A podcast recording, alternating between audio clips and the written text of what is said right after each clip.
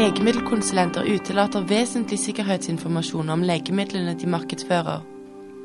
Velkommen til tidsskriftets podkast for nummer 5 2008. I tillegg er gratis lunsj og små gaver vanlig når legemiddelkonsulenter besøker allmennleger. Det viser Jørund Strand og kolleger i en studie i siste nummer av tidsskriftet. Her forklarer han bakgrunnen til studien. Bakgrunnen for studien var at i femte studieår så er studentene utplassert i eh, allmennpraksis i seks uker. Og da prøver vi å rette oppmerksomheten mot ulike aktuelle tema som vi følger opp i undervisningen etterpå. Og slik var det også med legemiddelindustrikontakt. Vi ville også teste ut hvordan studentene, som jo er kritiske og vant til å evaluere undervisning i alle former, hvordan de evaluerte læringsutbyttet av legemiddelkonsulentbesøk i allmennpraksis. Hva viser resultatene? Dette er jo en relativt liten undersøkelse, og den eh, ble også gjort for en eh, fem-seks år siden, så den ligger noe tilbake i tid. Men når det er sagt, så eh, er det noen viktige trekk som vi kan hente ut av undersøkelsen. Og det som vi fant ut, det er at, og ikke så særlig overraskende, at det er de patenterte nye legemidlene som står i fokus det vanlige formen for møte mellom legemiddelkonsulent og de ansatte på legesenteret var at konsulenten eh, møtte i lunsjpausen og hadde med noe godt å spise og et skreddersydd eh, poengtert eh, undervisningsopplegg som var tilpasset en, en kort lunsjpause. Men så hadde vi da også spørsmål om hva slags type informasjon som ble gitt, og ikke minst hva slags type informasjon som ikke ble gitt. Og der fikk vi noen overraskelser helt vesentlig sikkerhetsinformasjon, sånn som eh, forsiktighetsregler, eh, interaksjoner, altså hvordan eh, legemidler interagerer med andre legemidler, og, og, bivirkninger.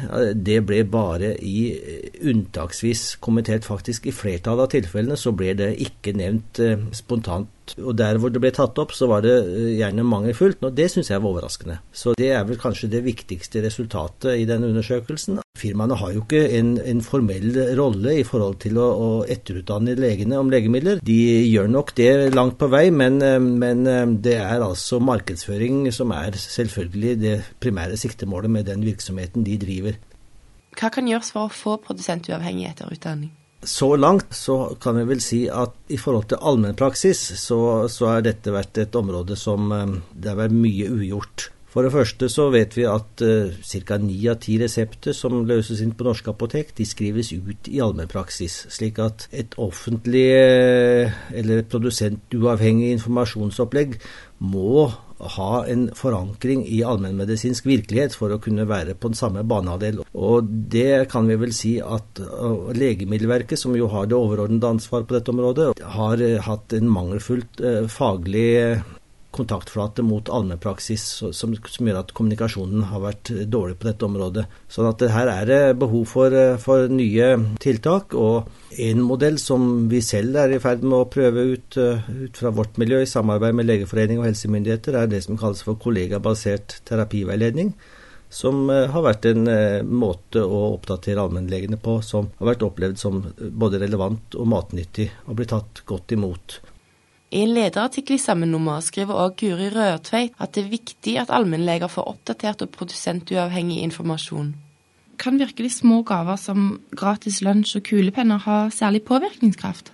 Det er jo, Når det gjelder små gaver, så er det ikke pengeverdien som spiller noen rolle, men det er den symbolverdien som alle gaver har. Altså Når vi får gaver, så blir vi forpliktet til en vennlig holdning. Mens um, i hvert fall i forhold til legemiddelindustrien, så bør leger kanskje ha en kritisk holdning i utgangspunktet. Hvorfor foretrekker mange allmennleger å få informasjon fra lunsjmøter med legemiddelkonsulenter? Det er nok eh, en tilpasset og enkel måte å motta informasjon. Allmennleger har en veldig tettpakket hverdag full av uh, pasienter og, og, spørsmål av en veldig stor bredde. Sånn at uh, det er ikke mye tid i måte, den kliniske hverdagen til å oppdatere seg. Det gjør at eh, når noen kommer inn døren nærmest med tilbud om oppdatering, riktignok eh, vinklet, det vet vi jo, så er det lett å gripe til det. Og eh, det er jo også sånn at vi, vi i for liten grad har hatt et offentlig fokus på den problemstillingen, sånn at tilpasset informasjon som er uhildet og balansert, det er ikke så enkelt å få tak i for allmennpraktikere til hverdags. Og Det mener jeg at vi bør gjøre noe med.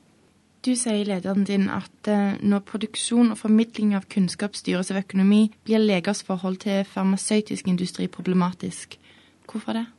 Ja, altså det, jeg mener at Kunnskapsproduksjon det er jo det, i den sammenheng det samme som forskning. At Det er i samfunnets interesse at så mye som mulig av den forskningen som gjøres, er fri og ikke bundet av økonomiske interesser. Det har med at vi ellers får et veldig snevert perspektiv. At vi får kunnskap som er knyttet opp mot direkte profitt, og på den måten eh, kanskje går glipp av gode løsninger på store, viktige problemer.